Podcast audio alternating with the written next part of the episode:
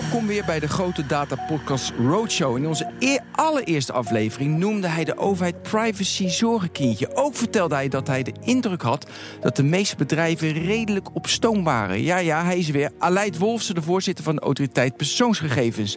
En net al, onze 15e afleveringen voor wordt deze podcast mogelijk gemaakt door Microsoft. En daar ben ik heel erg blij mee, want daardoor kunnen we al deze vragen over privacy stellen. Dus dat is interessant. Meneer Wolfsen, welkom. Dank u zeer voor de Ik- uitnodiging. Ik ben zo blij dat u er bent. Want ik ben zo nieuws. Ik heb ook heel veel aan u gedacht de laatste tijd. ah, heel fijn. Ja, want ik ben zo benieuwd. We zijn nu een maand bezig. Ja. En hoeveel klachten komen er binnen? Was het in één keer op die vrijdag of maandag? Hoe zag dat eruit bij u? En het was, wij zaten op die, eh, was op een vrijdag. Ja, 25 vrijdag mei was was het, ja. een vrijdag natuurlijk. Eh, maar toen zaten we met alle collega-voorzitters uit de hele EU eh, in Brussel. Omdat we daar een soort eerste bijeenkomst hadden van de European Data Protection Board. Hè. Dat is een nieuw orgaan wat alles met grensoverschrijdende dingen Ja. doet en guidelines geeft. Dus we zaten daar. Ik zat naast mijn Finse collega. En we, na een uurtje zei ik, vroeg ik hem, hoe is, hoe is het in Finland? En toen zei hij, er waren binnen een uur in Finland al 100 klachten binnen. Mooi. En bij ons geloof ik 10 of 15. Dus wij hebben zijn heel mooi en langzaam opgestart. We hebben op dit moment hebben we eh, rond de 500 klachten binnen. Dus iets meer dan 100 per week. En wat voor soort klachten zijn het? Ja, dat is een hele rijke variëteit eigenlijk. En wat, wat regelmatig, wat best vaak voorkomt, is eigenlijk heel eenvoudig. eh, maar ook weer de kern van privacy en van de AVG. Dat mensen zeggen, ik zit in een bestand. ehm, dat heb ik ontdekt, of dat weet ik, en daar wil ik uit. Of het klopt niet wat erin staat. Maar eens specifiek wat voor bestand zitten ze dan in nou, waar ze uit van, van bedrijven waar ze eens wat hebben gekocht. En dan krijgen ze een mailtje voor direct marketing bijvoorbeeld. En dan ontdekken ze dat iemand hun adres heeft eh, bij een bedrijf. Want ik denk dat 80, 90 procent van de klachten gaat ook over bedrijven. Ja. We hadden meer ook over de overheid verwacht, maar dat, dus dat is de verhouding op dit moment. En veel zitten ze in bestanden bij bedrijven, in klantenbestanden waar ze niet in willen. Ehm, ja, er is ook een hele rijke variëteit. Elk bedrijf heeft tegenwoordig jouw data. Ja, maar dat is toch een beetje klein bier, toch? Ja, klopt. Ja, Nou ja, ja en nee. Ehm, ook weer niet. Want het is voor mensen zelf die zeggen: ja, de kern van de, de kern van de GDPR, van de AVG, is: jij gaat over je eigen data. Ja. Die beheer je zelf. tuurlijk. En die zitten alleen ergens met jouw toestemming, of omdat je ergens wat hebt gekocht en het moet thuis afgeleverd worden, nou, en, enzovoort. Dus de- nu zeggen de mensen: ik wil ook daadwerkelijk de beheer op mijn, over mijn gegevens. En als ik ergens zit zonder mijn toestemming, wil ik gewoon dat het uitgaat. Ja. En dat is eh, aan de ene kant, als het enkel daarom gaat, zou je kunnen zeggen een relatief klein bier. Maar soms zit je ook bij bedrijven in bestanden die gevoelige producten verkopen. Dan wil je helemaal niet weten dat jij ergens Ja, een medische bijzonder- producten bijvoorbeeld. Medische producten of producten voor bijzondere hobby's of, of allerlei andere attributen. eh, Dat wil Ja. je gewoon niet weten. En dan wil je daaruit. En dat lukt dat toch te vaak niet snel genoeg. Of een bedrijf eh, werpt er allerlei drempels voorop. En die klachten zijn we nu allemaal aan het behandelen. Dus ik kan niet. Soms kunnen mensen trouwens ook terecht in zo'n bestand zitten. Hè? Mhm, ja, Dat een bedrijf zegt, ja, ik heb daar een goede titel voor, want eh, dat, dat mag ik nog een tijdje bewaren. Dat zijn we nu allemaal aan het uitzoeken. Ja, maar u heeft 500 klachten ongeveer nu binnen. Ja. Ehm, welke behandelt u? U bent nu aan het bekijken. Welke neemt u serieus of welke niet? Ma- Maakt u, heeft u prioriteitenlijstjes? Ja, we nemen eigenlijk alles op zich serieus. Hè? Want eh, sinds 25 mei behandelen wij klachten. En alles wat binnenkomt, dat behandelen we ook echt. Vroeger kon je ons alleen maar een tip geven Ja. of een suggestie doen. Maar nu zijn het echt klachten die we moeten. Wij voelen dat als mogen behandelen. Dus dat doen we allemaal. Daarnaast hebben we natuurlijk ook een aantal velden benoemd... waarvan we zeggen, gaan we ambtshalve wat meer op letten. En ook klachten die daar betrekking op hebben... gaan Ja. we ook wat meer mee doen. En dat betreft natuurlijk heel velden ehm, gezondheidsgegevens. Dus prio 1 zeker. Prio 1. Er komt gelijk een eentje achter. Ja, eh, dus alles wat met gezondheidsgegevens te maken heeft, de beveiliging daarvan is eh, eh, Ja. natuurlijk top. Daar geven we extra aandacht aan. Dus niet dat we anderen geen dingen doen, maar daar geven Nee. we extra aandacht aan. Een tweede iets is alles wat met handel in data te maken heeft. Eh dat gebeurt namelijk ook heel veel. Ja. Data zijn gewoon geld waard. En ook daarvoor hebben mensen heel veel last van. Ja. Eh, een derde aandachtsgebied is alles wat met overheden te maken heeft. Overheden weten heel veel over u en over mij. Ja. Dus, en ook met de beveiliging eh, van die gegevens natuurlijk. Een vierde gebied is alles wat met de functionaris hun gegevensbescherming te maken heeft. Wij, wij dachten dat het slecht op gang kwam. Ik geloof dat ik de vorige keer iets over gezegd Ja. heb ook. En die FG's zijn voor ons ontzettend belangrijk. Want dat zijn de- de toezichthouders ter plekke. Ja. En vaak moet je een FG hebben overheid altijd verplicht. Of bedrijven weer met bijzondere of gevoelige gegevens. Dus die FG is heel belangrijk.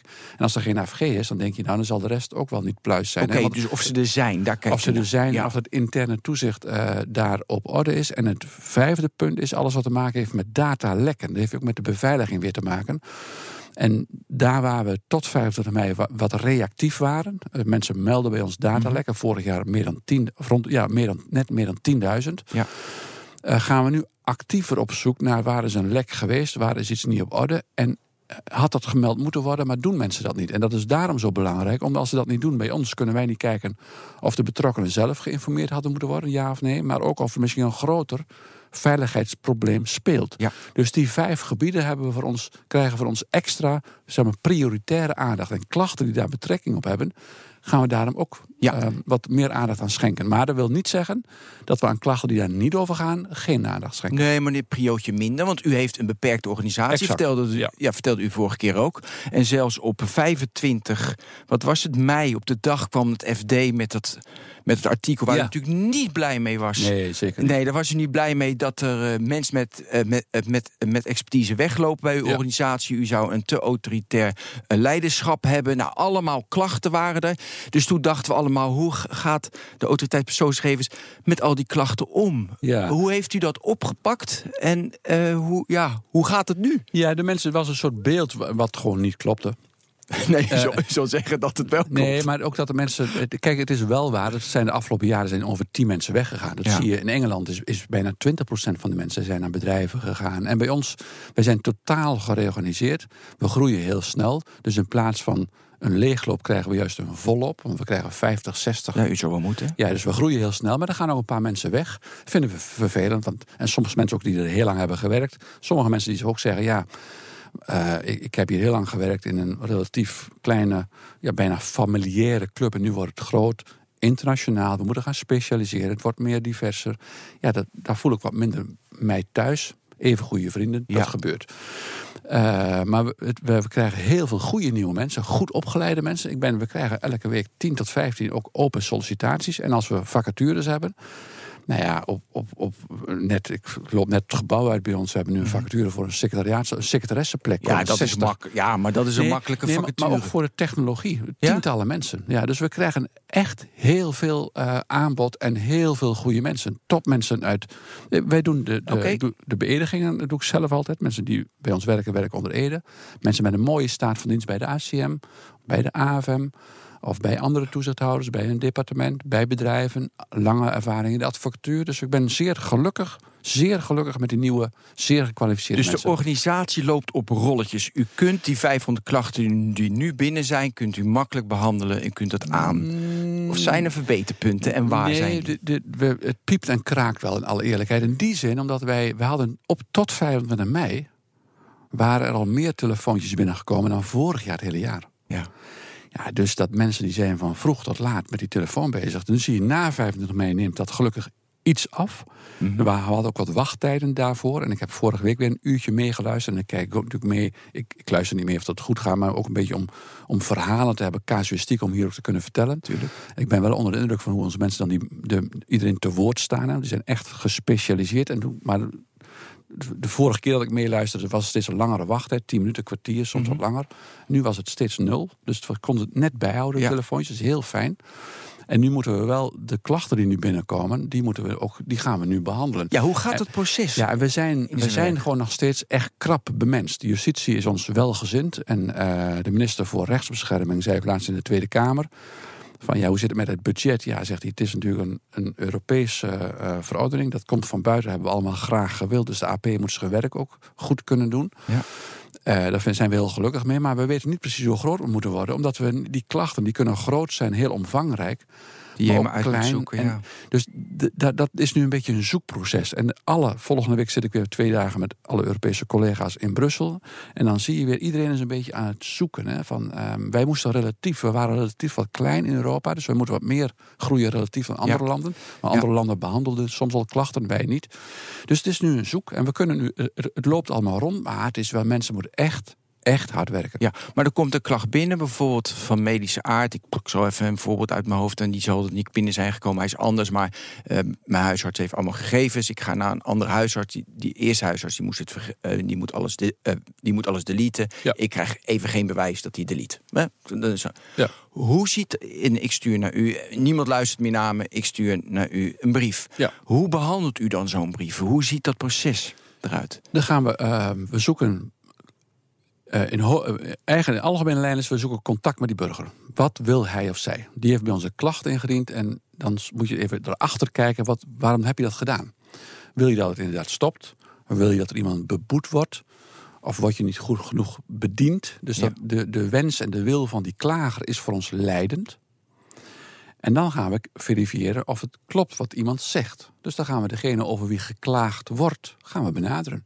Van we hebben een klacht binnengekregen over u. Ja. Laat u maar eens zien. Dat is een werk. Als we dat, ja, nou ja, als we dat twijfelen, mag ik een klein voorbeeldje Ja, noemen? We, hebben, we, was een paar weken geleden, was het nog net voor 25 mei, volgens mij over de sauna's, werden we platgebeld. Ja, met die camera's Ja. dat natuurlijk actueel Toen was. kon je nog geen klachten bij ons indienen. Nee, Eh, dat was nog voor tips. 25 mei. Maar toen hebben we gezegd, ja, dit speelt zo massief. Eh, en we worden zoveel gebeld.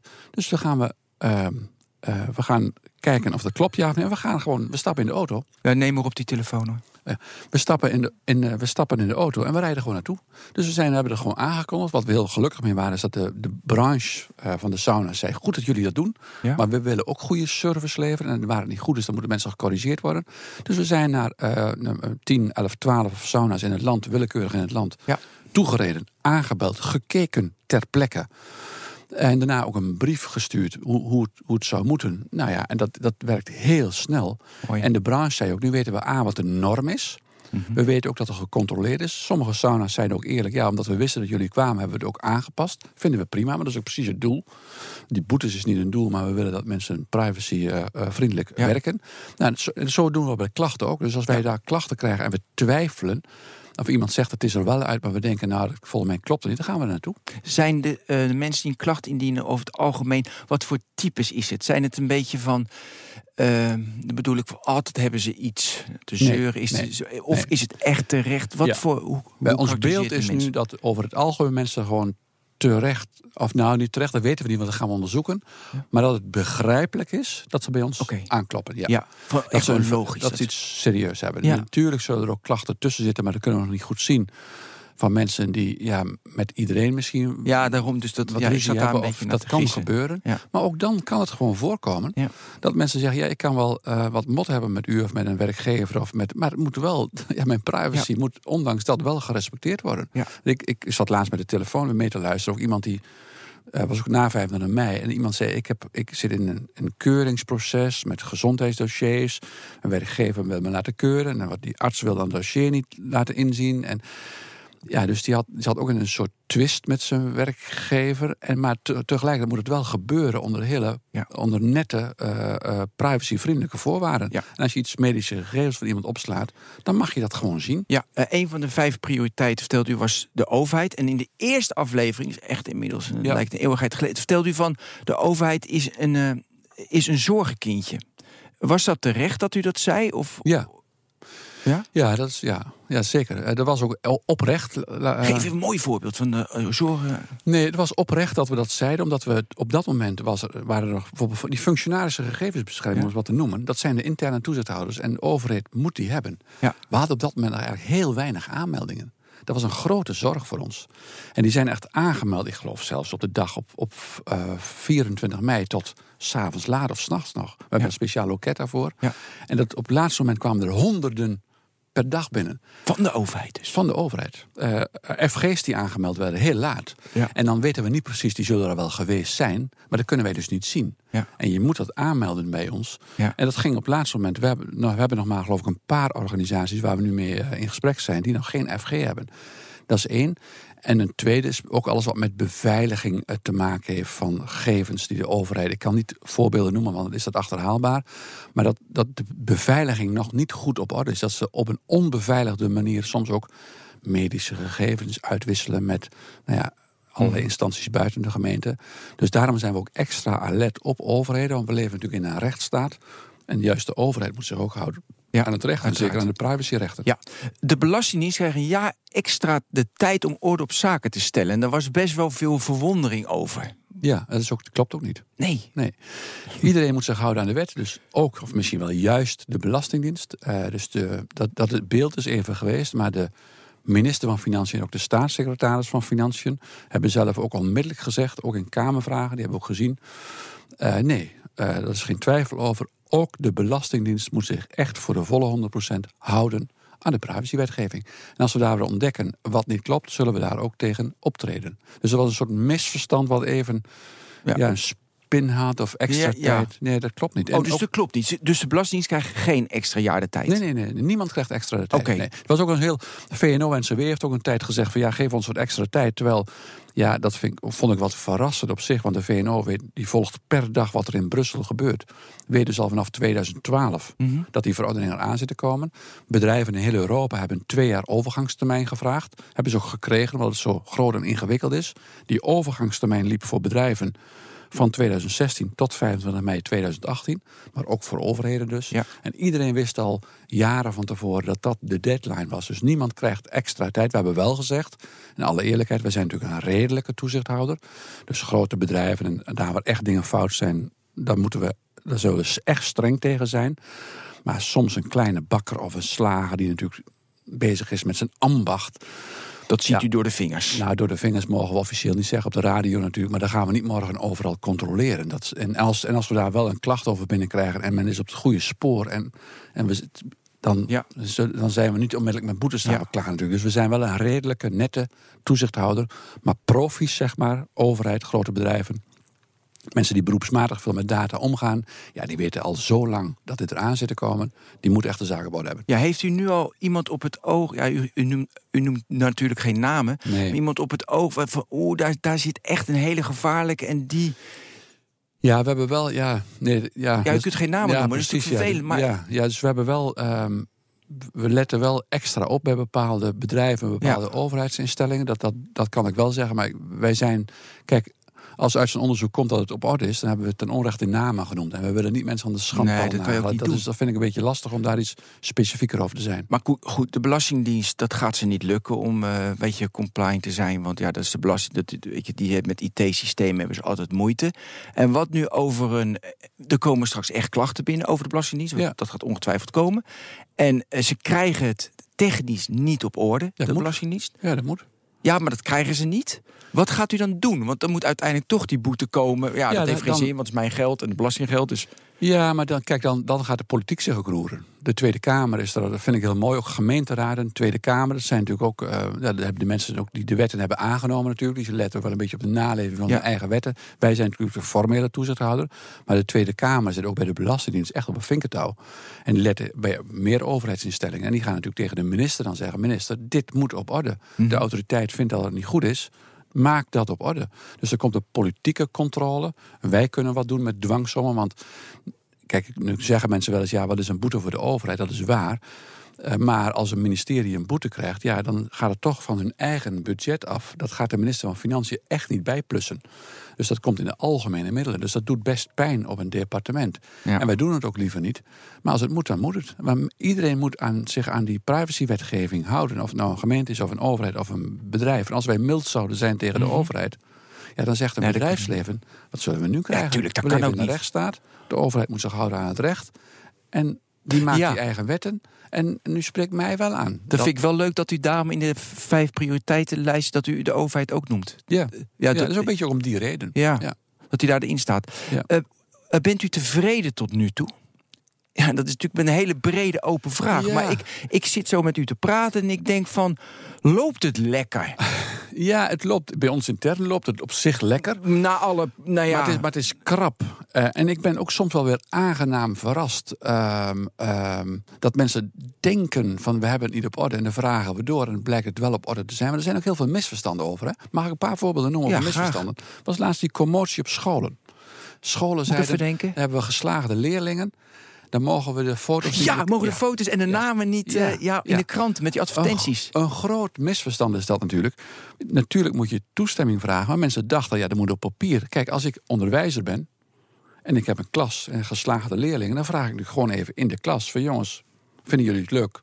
Als Ja, wij als dan school heb je straks. ja. Dan heb je gewoon mondeling toestemming. Je hebt allemaal getuigen erbij. ja, maar het zijn minderjarigen. Dus dat, Vanaf 16 jaar. Zijn 16, want vaak zijn er- ja. Nou, iemand die twee klassen heeft overgeslagen is misschien ja, oké. Dus 16 daar jaar. zit nog een dingetje. Nee, maar klopt. Ja, 16. En dan vraag je gewoon toestemming. Mondeling is voldoende. Ja. Er was nog zo'n misverstand eh, eh, in kerken. eh, een beetje variëteit aan misverstanden. Bij kerken.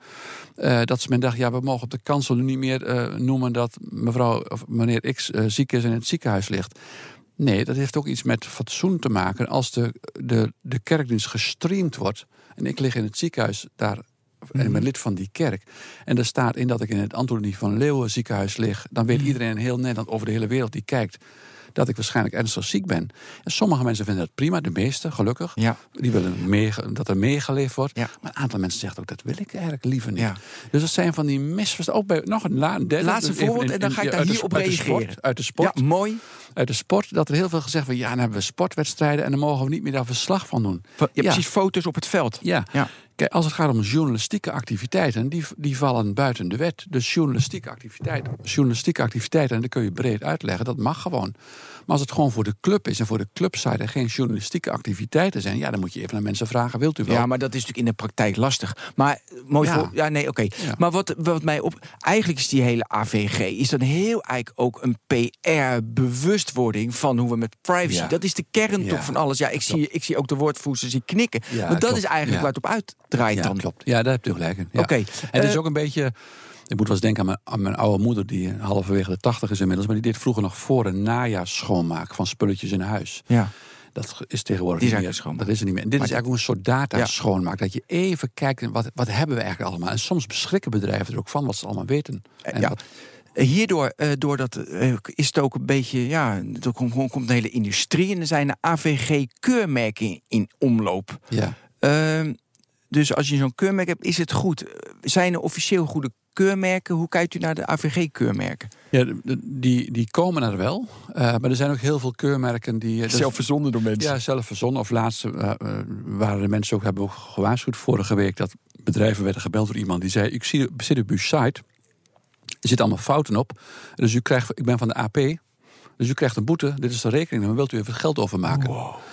Eh, zo gaat, gebeurt het ook met de Dat keurmerken. Dat is wel eng, ja. ja. en dat heeft een beetje te maken natuurlijk met alles wat er nu met die AVG... is heel veel nieuws over. Ja. Mensen zijn soms bang, soms terecht, soms onterecht.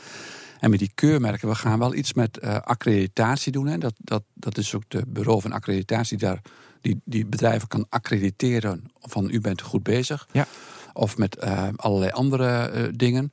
Eh, maar het is wel, als mensen twijfelen daarover... van is er iets wat goed is of niet... kunnen ze ons even bellen. We zijn Ja. elke dag open. Ja. Eh, van is dit een, een iets wat van jullie komt... of is dit iets zelfverzonnens... of is iets officieels, ja of nee. Dus daar Ja. geven we ook dan heel snel antwoord op. U heeft u een inschatting, is heel grof, dat snap ik. Maar van eh, hoeveel bedrijven nu voldoen aan de AVG, hoeveel niet? Kunt u daar wat getallen aan hangen? Nee, dat kunnen we eigenlijk weer niet. Omdat er zijn allerlei onderzoeken geweest. En soms werd er gezegd, ja, tientallen procenten nog niet. Of, of, of meer, meer een deel wel.